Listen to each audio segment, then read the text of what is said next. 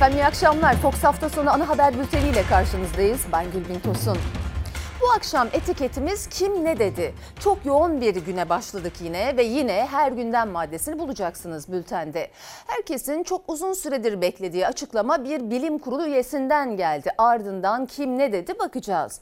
Ayrıca Türkiye dün gece emekli 104 amiralin imzasıyla Montreux bildirisi başlığı adı altında yayınlanan açıklamayla karşılaştı. Dediğim gibi gündem yoğun. Siz de kim ne dedi etiketiyle görüşlerinizi bizlerle paylaşabilirsiniz. Hemen öne çıkan başlıkları aktaralım.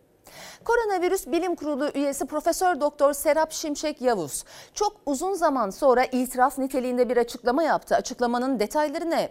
Emekli 104 amiral bildiri yayınladı ardından soruşturma açıldı. İktidar ve muhalefet nasıl tepki verdi? İstanbul Sözleşmesi sokakta, evde kadını erkek şiddetine karşı korumayı mı hedefliyor yoksa aile düzenini mi bozuyor? Kılıçdaroğlu ve Babacan neler söyledi? KESK toplu iş sözleşmesi öncesi maaşa yapılan zamların zorunlu harcamalar karşısında nasıl eridiğini ortaya koydu. Çalışanların alım gücü ne kadar düştü? Hepsi ve daha fazlası birazdan ama her zamanki gibi önce koronavirüs ve ürküten yeni vaka sayıları diyoruz. Koronavirüs tablosu her geçen gün daha da ağırlaşıyor. Uzmanlara göre henüz en kötüsünü görmedik ama günlük vaka sayıları 44 bini aştı. İstanbul'da 8 haftada vaka sayıları 10 kat artarken artık test yaptıran her 100 kişiden 18'i pozitif. Üçüncü tepe noktasına doğru halen yükselme dönemindeyiz. Henüz üçüncü tepe noktasına ulaşmış değiliz. Günlük yayınlanan tablodaki korkutan artışa rağmen salgının seyrinde en ağırı henüz yaşanmadı. Yeni yayınlanan haritaya göre artık Türkiye genelinde düşük riskli yani mavi renkli il kalmadı. Haritanın neredeyse tamamı kızardı. Özellikle İstanbul'da iki ayda vaka sayıları 10 kat arttı. İlk hafta 100 binde 60 olguydu. Şu an geldiğimiz tabloya baktığımızda 8 haftada ne kadarlık bir artışa denk geliyoruz? İstanbul için konuşuyorsak 8 haftada neredeyse 10 kata yakın bir artış oldu. 100 binde 590'ları bulduğunu görüyoruz. Bu gerçekten çok yüksek bir artış. Neredeyse hiçbir ek önlem alınmadığına tanık olduk. Son açıklanan haritaya göre düşük riskli ilk almamış oldu. Bir hafta önce Türkiye nüfusunun %80'i yüksek riskli illerde yaşıyorken bu oran bir haftada %88'e kadar çıktı. İstanbul için bir haftadaki artış oranı %47. İlk yayınlanan haritadaki 100 binde tespit edilen yeni vaka sayısıyla son hafta arasında 10 kat fark var. Eğer ivedi olarak önlem alınmazsa günlük doğrulanmış olgu sayısının 50 bini hatta 60 bini üzülerek söyleyeyim hatta 70 bini geçme olasılığı karşımızda duruyor. Şimdilik son 24 saatte 44.756 kişi daha koronavirüse yakalandı. Virüs nedeniyle hayatını kaybedenlerin sayısı 186'ya çıkarken ağır hasta sayısı ise 2231. Halk sağlığı uzmanı Profesör Doktor Kayan Pala'ya göre artan vaka ve ağır hasta sayılarına göre vefat sayılarında da birkaç hafta içinde ciddi bir artış olabilir. 2000 civarında ağır hasta sayısının olduğu Kasım ayında günlük 70'ler civarında yurttaşımızı kaybederken şimdi 2000 civarında ağır hasta olduğunda 170 civarında yurttaşımızı maalesef kaybediyoruz. İngiliz varyantının hızla bulaşmasının yanı sıra ölümcüllüğünün de çok yüksek olması. Üçüncü tepe noktası hiç istemeyiz ama daha öncekilerden daha ağır sonuçları karşımıza getirebilir. Yapılan günlük testlerle tespit edilen vakalar arasındaki pozitiflik oranı %18'e çıktı. Aralık ayında yaşanan ikinci pikin tepe noktasında bile bu rakam %15 civarındaydı. Ekonomik ve sosyal koşullar oluşturulmuş uzun süreli en az 28 günlük bir tam kapanmayı gerçekleştiremediğimiz müddetçe bu pandeminin yükü artarak devam edebilir önlem alsaydık bazı insanlar ölmeyecekti. Bu çıplaklığı artık görmemiz gerekir. Hem üzgünüz, hem öfkeliyiz, hem de endişeliyiz. Hafta sonu sokağa çıkma kısıtlaması var ama sadece kağıt üstünde. Bugün yine tüm Türkiye'den çarpıcı görüntüler kaydetti kameralar. Umursamazlığın görüntüleri aslında. Hatta koronavirüs taşıyıcısı olduğunu bile bile sokağa çıkanlar da vardı. Başla. Kaçıyor kaçıyor. Çabuk çabuk çabuk çabuk çabuk çabuk. Koran alın içeri. Koronalı olduğunu bile bile üstelik de kısıtlama gününde çarşıda umarsızca gezmeye çıktılar. Çok yüksek riskli grupta kırmızı kategorideki iller arasında 3. sırada yer alan Yalova'da sokağa çıkma kısıtlamasında çarşıda gezen iki kişiye polis HES kontrolü yaptı. Korona pozitif olduğu anlaşılan iki kişi hemen ambulansa KYK yurdunda karantinaya alındı. Umarsızlık her yerde ve her şekilde gösterdi kendisini. Burası da İstanbul Ataşehir. Nargile kafeye baskın yapan polise karşı bir yanda duyarsızlık, bir yanda panik vardı. Bu hanımefendi de maskesini taksın, maske, maske taksın.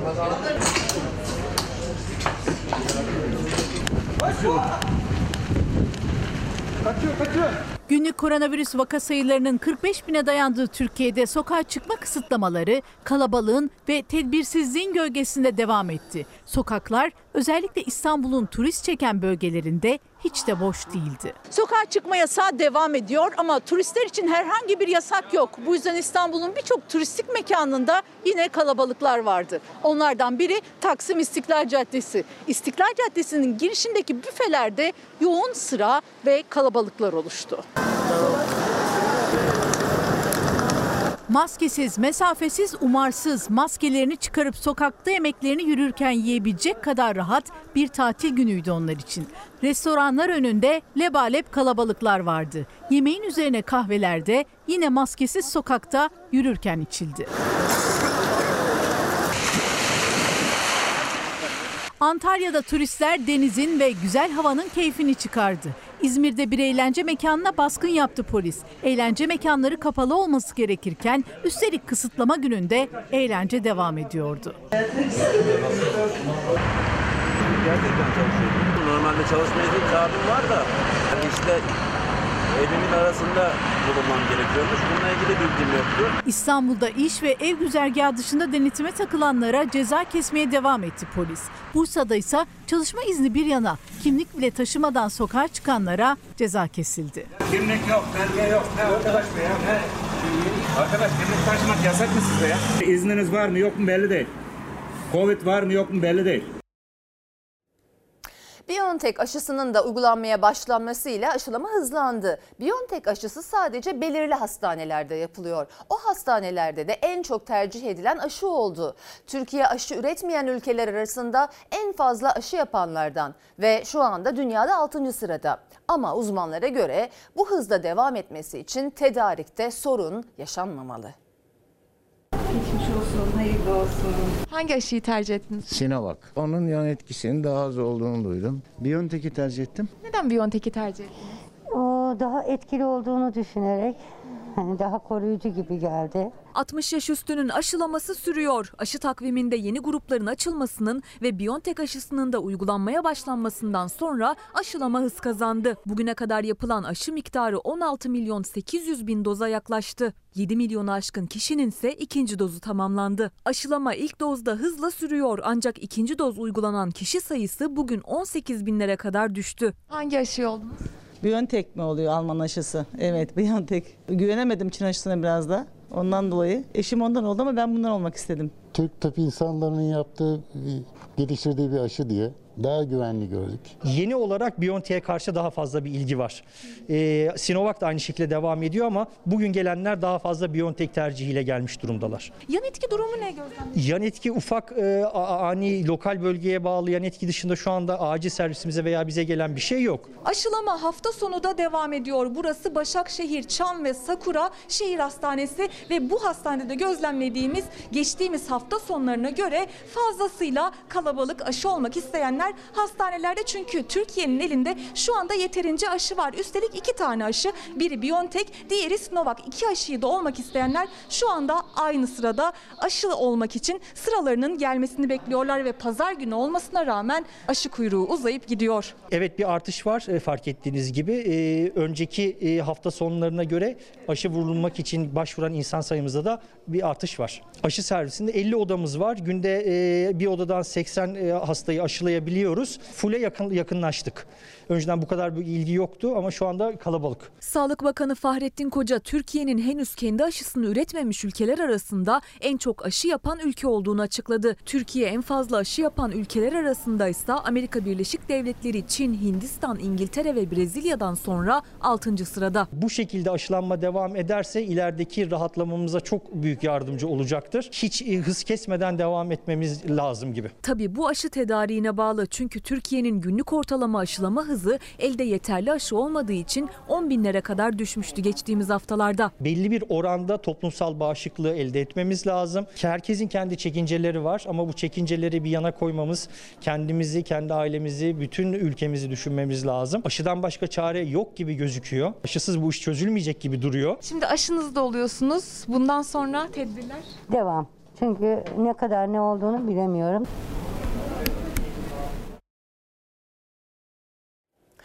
Kalabalık parti kongreleri yapılırken uzmanlar, bilim insanları muhalefet defalarca kez uyardı. Acaba bilim kurulu ne diyor diye herkes merak içindeyken bilim kurulundan açıklama yoktu. Bakan Koca da ısrarlı sorular sonrası konuyu gündemde tutmayın dedi.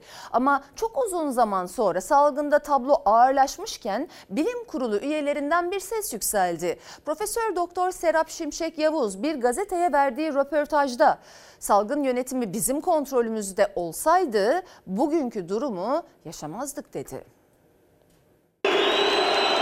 Maşallah. Ülkede milletin sağlığı için değil, iktidar partilerinin kongre takvimine uyulmak için, kongrelerini lebalep salonlarda yapabilmesi için tedbirler alınmaya başlanmıştır. Bu konuyu gündemde tutmanın kimseye faydasının olmadığı kanaatindeyim. Ya bilim kurulunun resmi bir üyesi çıkıp da olmaz arkadaş demeli ya. Yok mu böyle bir bilim kurulu üyesi merak ediyorum. Eğer salgın yönetimi bizim kontrolümüzde olsaydı bugünkü durumu yaşamazdık. Çok uzun zaman sonra bir bilim kurulu üyesinden ses yükseldi. Aslında bir itiraf Profesör Serap Şimşek Yavuz salgın kontrolü bizde değil dedi. Cumhurbaşkanı Erdoğan ise sık sık vurguluyor sorumluluk bilim kurulunda diye. Bu işin biliyorsunuz birinci derecede sorumlusu bilim kurulu. Bu ülkede 38 kişiden oluşan bir bilim kurulu var ise ve bir tanesi bile buna ses çıkarmıyorsa vah ki vah.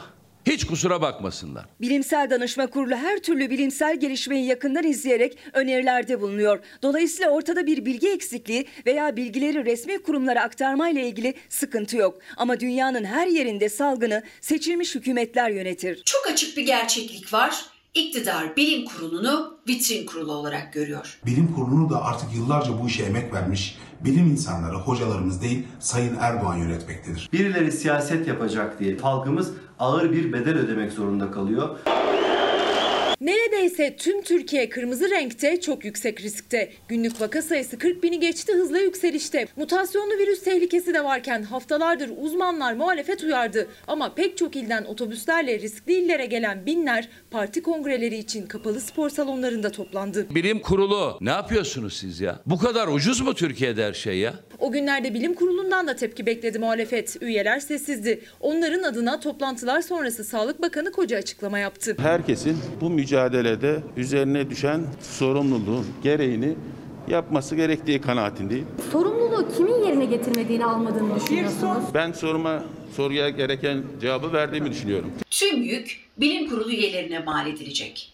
Ve geldiğimiz noktada da kıpkırmızı bir Türkiye tablosu, her gün on binlerce yeni vaka. Tablo giderek ağırlaşırken hastaneler ve yoğun bakım üniteleri yeniden dolarken bilim kurulundan sessizliğini bozan ilk isim Serap Şimşek Yavuz. Gazete Duvar'a verdiği röportajda tam kapanma istediklerini de söyledi. Bilimsel açıdan baktığınızda şu anda yeni bir sıkı kapanma en akılcı çözüm. Salgının ilk günlerindeki gibi bilim kurulundan gelen kapanma tavsiyesi sonrası gözler iktidarda. Sayın seyirciler kurul üyesi ortada bir bilgi eksikliği yok ve bilgileri resmi kurumlara aktarmayla ilgili sıkıntı yok. Ama dünyanın her yerinde salgını seçilmiş hükümetler yönetir diyor. Evet doğru ama Sayın Cumhurbaşkanı sorumluluk bilim kurulunda demişti. Bunu bile bile neden bu kadar beklediniz? Başka yapmak istediğiniz itiraflar var mı acaba? Altını çizerek söylüyorum şu kısmını. Sormak istediğim önemli bir soru var şahsi fikrim. Her gün yayınlanan vaka tablosu gerçeği yansıtıyor mu mesela? Başka e, herkesin merak ettiği sorular da var e, ama cevap alamıyoruz. Onlardan birisi Ankara'da okullar kapatıldı. Diğer illerdekilerin canı yok mu, ailesi yok mu diye soruyor mesela bir izleyicimiz. Devam ediyoruz. Sayın seyirciler, Ankara'da en sıcak pazar günlerinden biri yaşandı. İktidar ayakta. Nedeni emekli 104 amiralin imzasıyla Montre bildirisi başlığı adı altında yayınlanan bildiri. O bildiride Montre tartışmalarına Türkiye'nin bekası vurgusu yapılırken görevdeki bir amiralin bir tarikat evinde çekildiği iddia edilen fotoğrafları da isim verilmeden yer aldı. Atatürk'ün çizdiği rotadan uzaklaşmış gösterme çabalarını kınıyor ve karşı çıkıyoruz denildi. Bildiriye iktidarın tepkisi haddinizi bilin, yerinize oturun ve darbe çağrışımı vesayet özlemi sözleriyle geldi. Ankara Cumhuriyet Başsavcılığı açıklamayı hazırlayanlara ve varsa diyerek irtibatlı kişiler için soruşturma başlattı.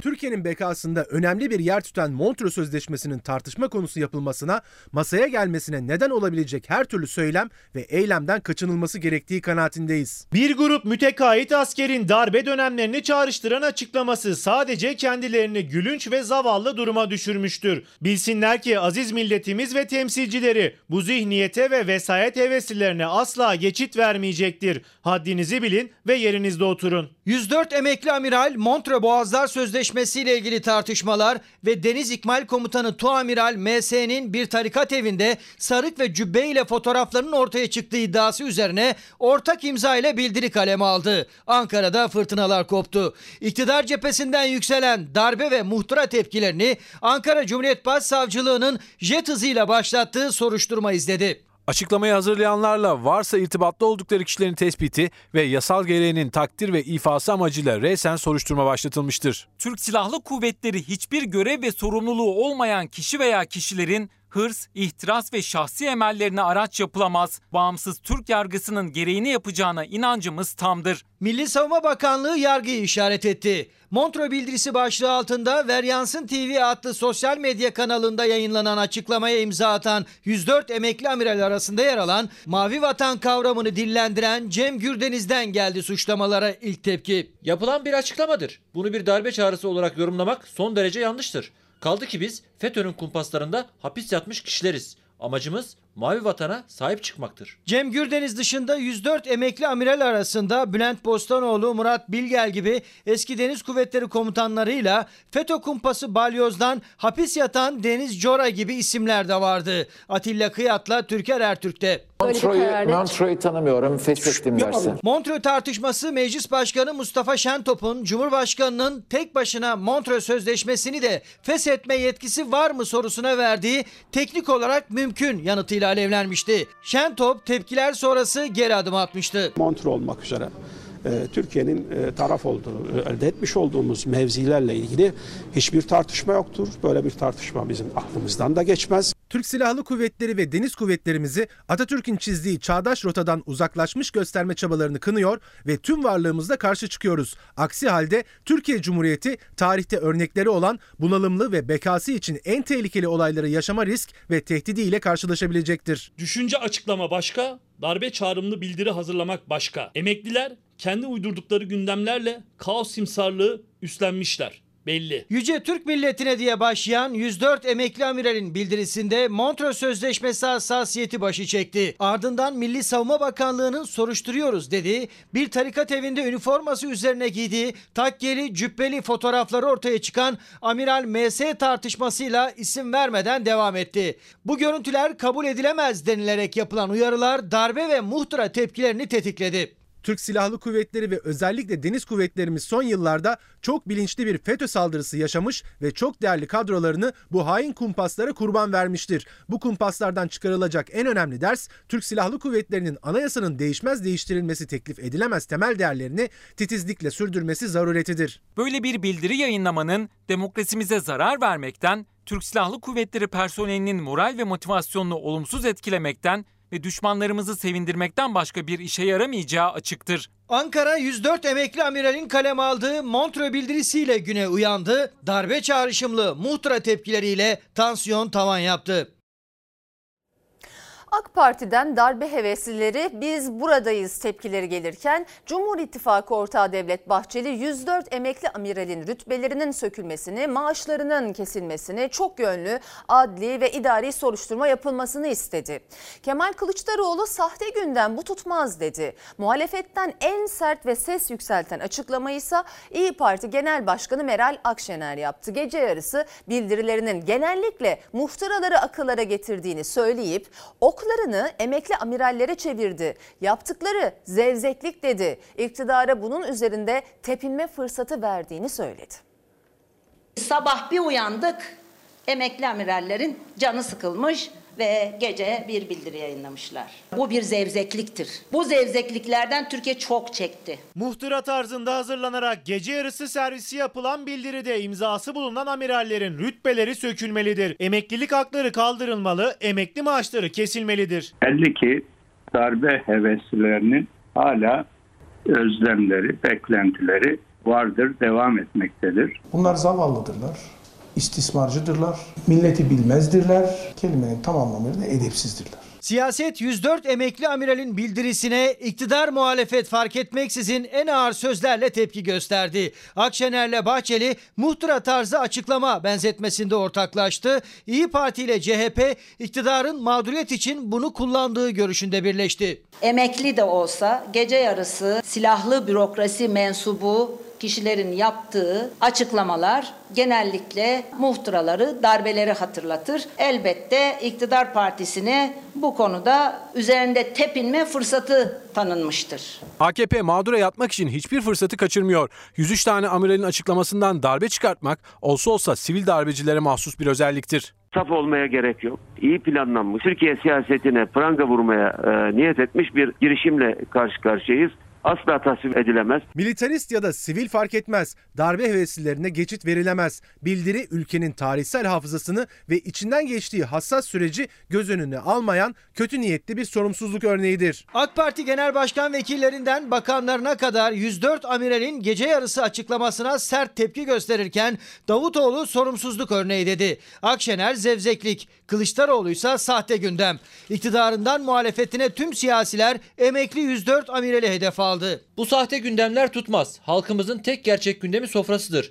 Büyük ve ünlü ekonomist Erdoğan. Yarattığın ekonomik yıkım ile seni yüzleştireceğim. Biz bu ülkede 104 işsiz gencin 104 siftahsız esnafın derdini konuşmak zorundayız. Emekli silahlı bürokratlara sesleniyorum. Muhalefet partilerini beğenmiyorlarsa derhal bir siyasi parti kurup yürüyebilirler. Ama darbe çağrıştıracak, gerçek gündemi örtecek yolun oluşmasına da hakları da yoktur, hadleri de yoktur. Hazır üniformalarını da çıkarmışlar. Gitsinler siyasi partilerde siyaset yapsınlar. Bu millet bu delikten çok ısırılmıştır ve bir daha ısırılmayacak. Sabrımızı zorlamasınlar. Demokrasiye, hukukun üstünlüğüne, devletimize ve milletimize bağlıyız ve sadığız ve biz buradayız. İçişleri Bakanı Süleyman Soylu'ya bağlı Jandarma Genel Komutanlığı, Sahil Güvenlik, Emniyet Teşkilatı da ortak bir açıklama yaptı. Biz buradayız diyerek Soylu'nun bağlılık sözlerini tekrarladılar. 103 vesayetçi amiralin imzasıyla yayımlanan bildirinin arkası ve önü kararlılıkla araştırılmalı. Bu rezaletin içinde kimlerin olduğu tesvik ve tespit edilmelidir. Montre anlaşmasıyla ilgili meclis başkanı da yanlış anladı, anlaşıldım diyerek durumu düzeltti. Aradan bir hafta geçip de bu bildiri sahiplerinin bu zevzekliği yapmasına ne sebep olduğunu da ayrıca dikkate değer bulduğumu paylaşmak isterim. 104 emekli amiralin bildirisi Ankara'da yarattığı dalgalar kolay yatışacak gibi görünmüyor. AK Parti MYK'sı Erdoğan başkanlığında pazartesi olağanüstü toplanacak. İstanbul Sözleşmesi sokakta, evde kadını erkek şiddetine karşı korumayı mı hedefliyor yoksa aile düzenini mi bozuyor? Kılıçdaroğlu AK Parti ve MHP'nin aile düzenini bozuyor propagandası yaptığını söyledi. Tam bu sözlerin üzerine Ali Babacan'ın bir vatandaşla yaptığı diyalog gündeme geldi. Vatandaş aile düzeni üzerinden İstanbul Sözleşmesi'nden çıkılmasını savunurken Ali Babacan sözleşmenin aile düzeniyle ilgisi olmadığını tane tane anlattı. AK Parti ve onun iz düşümü olan diğer parti yani Milliyetçi Hareket Partisi aile yapımız, aile düzenimiz bozuluyor diye bir e, özel propaganda yapıyorlar e, arka kapıdan. Bugün yaptıkları taktik kutuplaşmaya dayalı bir siyaset anlayışı hemen şu kesimi konsolide etmek için bugün bu adımı atayım. Cumhurbaşkanının bir imzasıyla kadına şiddete karşı koruyan, korunması için devlete yükümlülük getiren İstanbul Sözleşmesi'nden çıkıldı. Muhalefete göre kadına şiddet bir tarafa bırakıldı. İktidar sözleşmeyi aile düzeni bozuluyor propagandasına dönüştürdü. Bir aile stratejisi olup da buna karşı çıkılıyor değil. Bir aileyi koruma stratejisinin parçası değil. 3-5 ay önce Cumhurbaşkanı'nın savunduğu, şimdi savunmadığı bir şey bir an bir gece kararı. Muhafazakar yapıya sahibim. Ufak bir tartışma çıktı ya. Eşim şikayet etti. Beni evden uzaklaştırıyor. Bak tartışma hep olur. Ama kocamla tartışın diye gidip de karakola benim kocam beni dövüyor diye şikayet mi edecek eşiniz? Böyle bir şey gerçekçi mi yani? E, oluyor ama yaşananlar var. Sözleşme genel bir çerçeve. Orada ilkeleri yazıyor. Kadına şiddetse bunun gerekçesi olmaz diyor. Muhalefet iktidarın aile düzeni üzerinden taktik yaptığını söylerken İstanbul Sözleşmesi'nin aile düzenini etkilediğini düşünen bir vatandaşla Deva Partisi Genel Başkanı Ali Babacan arasında dikkat çeken bir diyalog yaşandı. Ya eskiden bizde kadınların ayrılması, boşanması böyle aile yapımızda hiçbir sıkıntımız yoktu. Son 10 yılda aile yapımız mahvoldu. Aile yapısı diyorsun da herhalde önce dönüp şu anda hükümetin %100 kontrol ettiği, hatta sahibi olduğu televizyon kanallarının yayın politikasına bakın. %100 eleştiriyor. Aile, aile yapısı niye bozuldu çok bile uzaklara sözleşmeye falan gitmeyin. Manevi değerlerden bahsedenler bugünkü cinayetleri görmüyor musunuz? Kaç yerinden bıçaklanan, sokak ortasında linç edilen kadınları görmüyor Bunlar bizim bizim ayıbımız. Ne İstanbul Sözleşmesi buna yol açtı ne diğerleri. Gelecek Partisi Genel Başkanı Ahmet Davutoğlu sorun İstanbul Sözleşmesi'nde değil dedi. Aileyi koruyacak bir eylem planına işaret etti. Kılıçdaroğlu da iktidarın aile üzerinden yaptığı savunmaya karşı şiddet sözcüğünün ön planda tutulduğu bir söyleme dikkat çekti. Bu propagandanın önüne geçmek için kadına yönelik şiddete hayır, kadın nerede olursa olsun şiddete uğramamalı. Aile içi şiddeti kabul etmiyoruz. Doğrudan doğruya şiddet sözcüğü kullanılarak İstanbul Sözleşmesi savunulabilirse geniş kitlelerde kabul görmesi çok daha yüksek olacaktır. İstanbul Sözleşmesi'nden çıkılmasına karşı Danıştay'a açılmış sayısız dava var. Gözler bir yandan bu davaların nasıl sonuçlanacağında, diğer yandan kadına karşı erkek şiddetinin nasıl önleneceğinde. Ee, benim Sayın Babacan'ın vatandaşlarla diyaloglarından anladığım şu ki şimdi ben bu vatandaşı bu vatandaşları tenzih ederek kendi görüşümü söyleyeceğim. Bence erkeklerin bir bölümü bu ülkede aile yapısından şunu anlıyor. Benim Eşime şiddet göstermem serbest olmalı. Bırak polise gitmesini, sokağa çıkmasını istemiyorum. Düşünmesini, öğrenmesini, kendi fikirleri olmasını, hatta konuşmasını istemiyorum. Benim eşimin yeri evdir. Çalışan kadın iyi değildir. Evde çocuk yapıp onlara ve bana hizmet etmelidir sadece. Dahası da var ama süre yok. Sayın seyirciler, muhalefet huzur hakkı adı altında çift maaş alan yüz binlerce lira gelir elde eden bürokratların peşinde. CHP Zonguldak Milletvekili Deniz Yavuz Yılmaz bu kez de Türksel'den yıllık 100 bin euro huzur hakkı alan yönetim kurulu üyelerini açıkladı. Tanıdık bir isim Hüseyin Aydın, Atilla Koç, Bekir Pakdemirli yıllık net 100 bin avro huzur hakkı ödenmesine karar veriliyor. Muhalefet farklı farklı şirketlerden yüz binlerce liralık huzur hakkı alanları gündemden düşürmüyor. Listeye her gün biri ekleniyor. CHP'li Deniz Yavuz Yılmaz en son Türksel'de yıllık 100 bin euro bugünün kuruyla 960 bin lira alan yönetim kurulu üyelerini açıkladı. Hüseyin Aydın hem Türkiye Varlık Fonu'nun yönetim kurulunda hem geçtiğimiz günlere kadar Ziraat Bankası Genel Müdürüydü ve aynı zamanda Ziraat Katılım Bankası Yönetim Kurulu Başkanıydı ve Türkiye Bankalar Birliği Yönetim Kurulu başkanıydı. Hüseyin Aydın geçen hafta Ziraat Bankası'ndaki görevinden sürpriz bir şekilde ayrıldığını açıkladı. Muhalefet ise daha çok Türkiye Bankalar Birliği Yönetim Kurulu Başkanı da olan Hüseyin Aydın'ın farklı kurumlardan aldığı maaşlarla ilgili. Aynı bürokratlara birden çok görev verilerek devasa maaşlar almaları sağlanıyor. 17 milyon insanımız aylık 1000 liralık sınırın bile altında yoksulluk çekiyor. Ama ne gam. İktidara yakın kim varsa 2-3 maaş almaya, özellikle Türksel örneğinde gördüğümüz gibi fahiş denilebilecek düzeyde ekstra gelir kazanmaya devam ediyor. Türksel'de yönetim kurulunda kimler yer alıyor? Şu anda Türksel'in yönetim kurulu başkanı Bülent Aksu. Geçtiğimiz birkaç aya kadar aynı zamanda Hazine ve Maliye Bakan Yardımcısıydı ve aynı zamanda da Exim Bank'ın genel müdürüydü. Atilla Koç kendisi AK Parti'nin bakanlarından biriydi. AK Partili eski bakan yardımcıları bakanlar gibi mevcut kabineden de bir isim vardı Türksel Yönetim Kurulu'ndan. Yıllık 1 milyon liraya yakın gelir elde edenler arasında. Bekir Pakdemirli hem AK Parti yöneticisiydi ve aynı zamanda da şu anda Tarım ve Ormancılık Bakanı. Bekir Pakdemirli, CHP'li Deniz Yavuz Yılmaz'ın iddiasına göre 2018 yılında bakan koltuğuna oturana kadar her yıl Türksel'den 100 bin euroluk huzur hakkını aldı. 2010 yılından itibaren her bir yönetim kurulu üyelerine ise yıllık net 100 bin avro huzur hakkı ödenmesine karar veriliyor. Muhalefet Partisi liderlerinin sokakta tuttuğu nabızda vatandaş ekonomisinden yansıyanlardan der, dert yumağı. Çocuğunu doyuramayan, daha ayın başında cebinde 5 lirası kalanlar, işsiz gençler, siftahsız kapanan dükkanlar. İktidarın istihdam ve faiz politikası hedefte.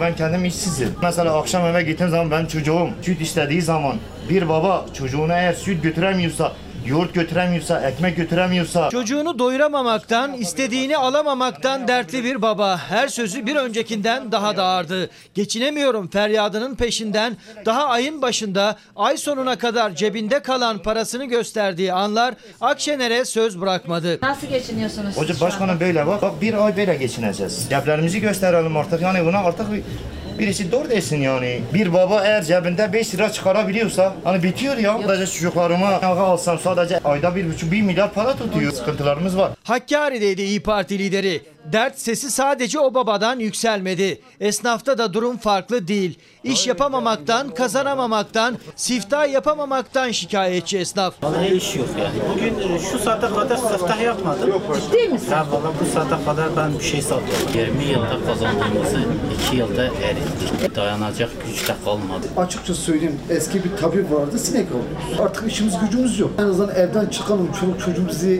işe gittiğimizi zannetsin. Veresiye defterleri de her geçen gün kabarıyor. Veresiye yazdıran var mı? Bayağı var. Bu sadece günlük olan. Bu günlük Aynen. şey veresiyesi.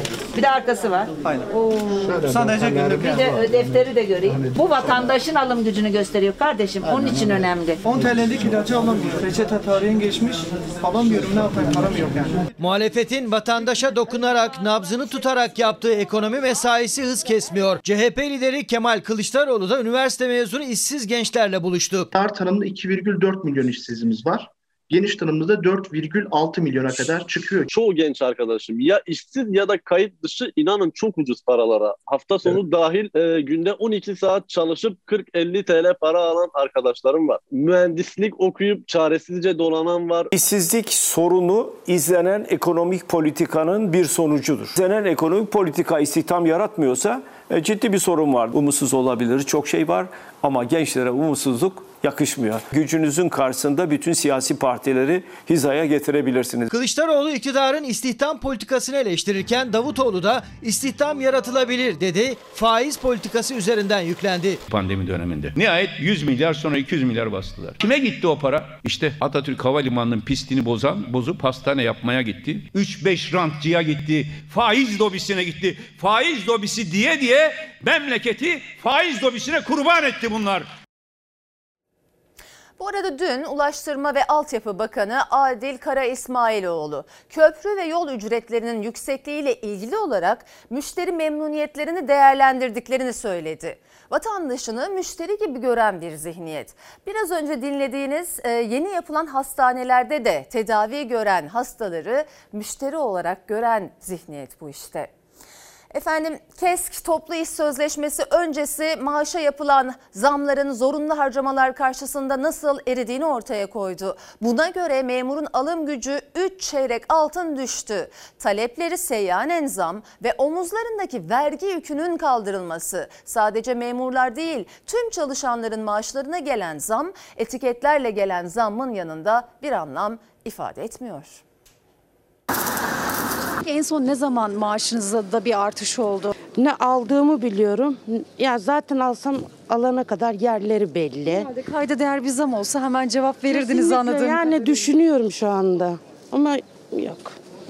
Yok yani bilmiyorum. En son ne zaman geliri arttı, ne kadar arttı? Kayda değer olmadığı için aklında bile değil çalışanın. Ama zamlar, etiket fiyatları öyle değil. Her gün gördükleri ceplerini yakan rakamlar. Memurlar da bir yılda maaşımızdan 80 dolar eksildi diyerek zam talep etti. Maaş artışı 463 lira olarak geçti kayıtlara. Ama zorunlu harcamadaki artış da 965 lira. KESK hazırladı raporu. Sadece kamu değil, tüm çalışanların maaş artışı yılın ortasını görmeden eridi. Siz yetirebiliyor musunuz? Mümkün değil, mümkün değil. Nelerden kısmak zorunda kaldınız? Nelerden mesela etten, gıdadan, yiyecekten, içecekten. Şimdi Çalışma Bakanı yoksulluğu çeşitleri ayırdı ya. Göreceli yoksulluk, nesnel yoksulluk gibi. Aşırı yoksulluğu sıfırladık.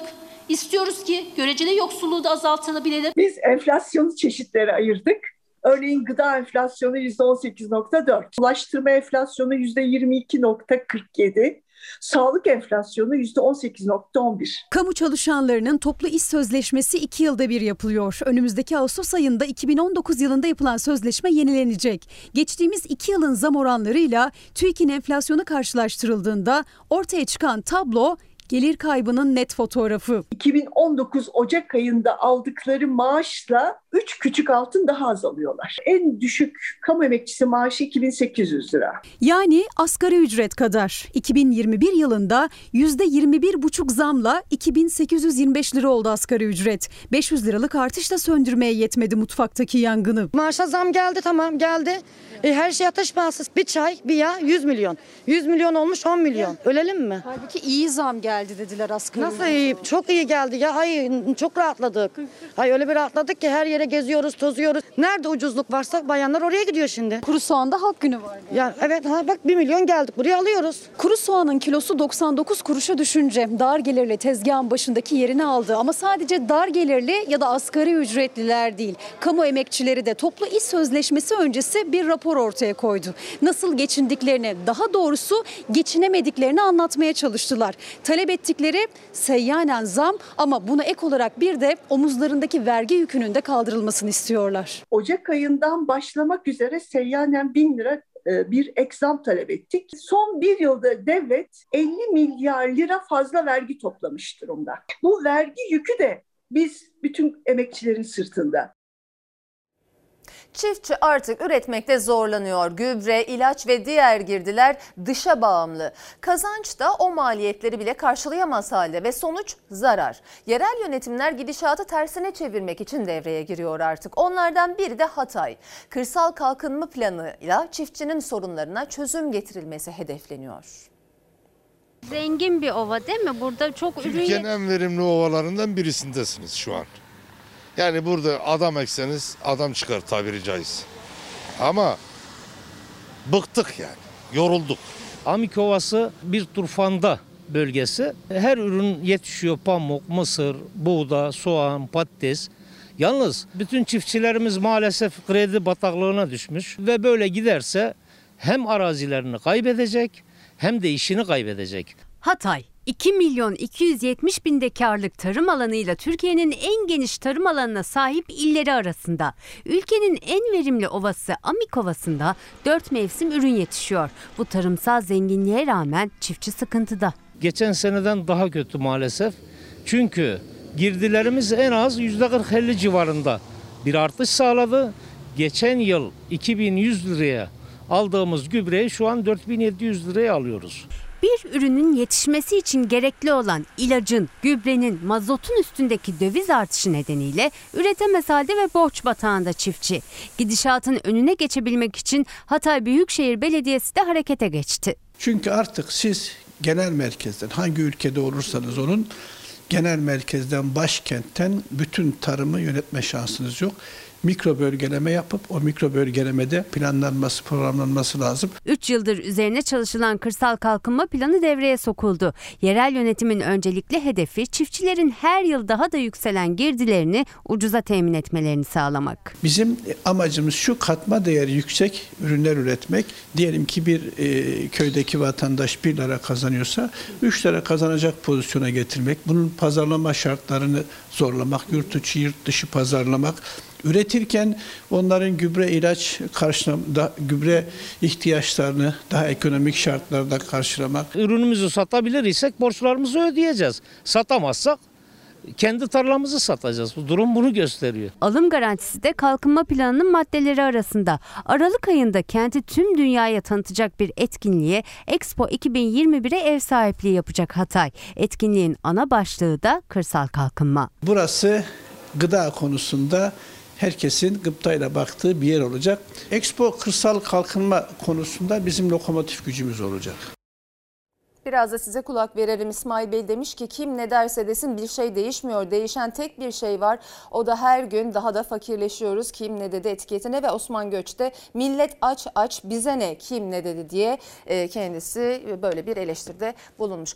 Herkes bir amaç için koştu bugün. Kimi kadınlar için, kimi salgında canını feda eden doktor arkadaşları için, kimi de her şeye rağmen güçlüyüz demek için İstanbul yarım maratonundaydı. Renkli katılımcılar dikkat çekti. Virüse karşı sıkı tedbirlerse elden bırakılmadı.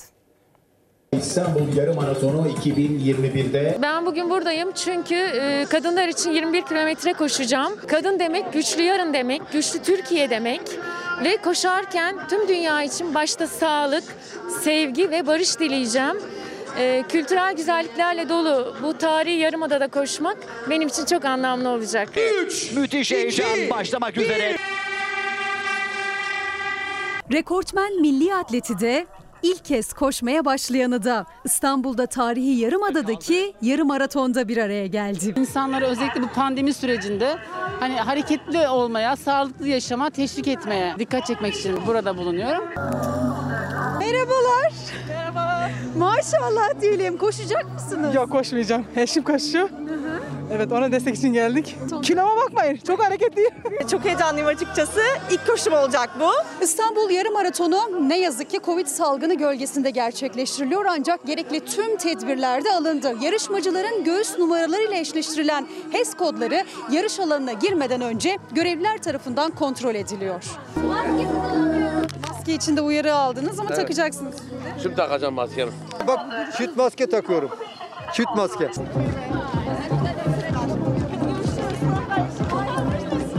Russian girl. Why are you running today? why? Have you any message? Big freedom. Özgürlük, iyilik, anıları yaşatmak, minnet duymak. Profesyonel sporcuların amacı derece yapmaktı, amatörlerin amacı ise sayısız ve sınırsızdı. Hiçbir şey amaçsız değil. İstanbul Sözleşmesi yaşatır. Hiç kimse bu haklarımızı elimizden alamaz. Kademeyi Değerlendirme Vakfı için e, koşuyoruz. 1986 yılından bu yana dar gelirli kadınların ekonomik olarak güçlenmesi için e, tabanda çalışmalar yapan bir vakıf. İki Gözüm projesinde koşuyoruz. Diyoruz ki engeller engel olamaz. Hayata katılıyoruz. Her yerde varız. Peki size e, rehberlik eden dostunuzu tanıyabilir miyim? Tabii adı Kara ve amacı da meslektaşlarının sayısı artması için koşuyor. Pandemi ruhları berbat etti ama spor yapan insanların ruhunu daha az etkilediğini düşünüyorum. İstanbul Yarım Maratonu'nda amaç sadece bitiş çizgisine ulaşmak değil. O bitiş çizgisine ulaşmak için herkesin bir amacı var ve bu amaç özellikle son bir yılda yaşanan Covid salgını ile ilgili. Kimi o salgının yarattığı psikolojiyle bu alanda, kimisi de hayatını kaybeden sağlıkçılar için bugün bu koşuda. Sağlık çalışanlarıyla ilgili gerekli önlemler alınamadığı için e, normalde bu koşuda kayıtlı olan bir koşucu arkadaşımız koşamıyor şu an için. Yaşasaydı bugün için- sizinle mi evet, olacak? Kendisi yıllardır Ali İsmail Korkmaz Vakfı için koşan bir arkadaşımız da e, Doktor Halil Onat. E, hem onun adına hem Ali İsmail adına tekrardan biz buradayız. Mısır'da firavunların mumyaları yeni yapılan ulusal müzeye taşındı. Milyonlarca kişinin izlediği geçit töreni görkemli görüntülere sahne oldu.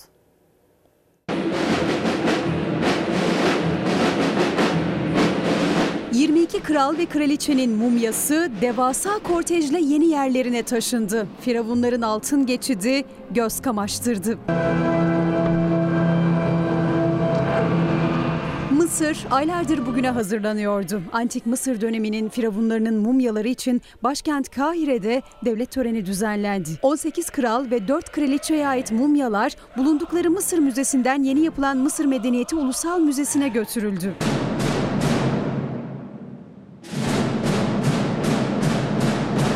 Korteş, 22 firavunun iktidarda oldukları döneme göre kronolojik olarak dizildi. Mumyalar her kral ve kraliçenin adına özel olarak hazırlanmış, antik Mısır tarzında dekore edilmiş, altın renkli görünümlü araçlarla nakledildi. Her mumya sarsıntıya karşı emici özelliklere sahip altın renkli, nitrojen doldurulan koruyucularla taşındı. Mumyaların geçtiği yollarda sarsıntı olmaması için yeniden düzenlendi.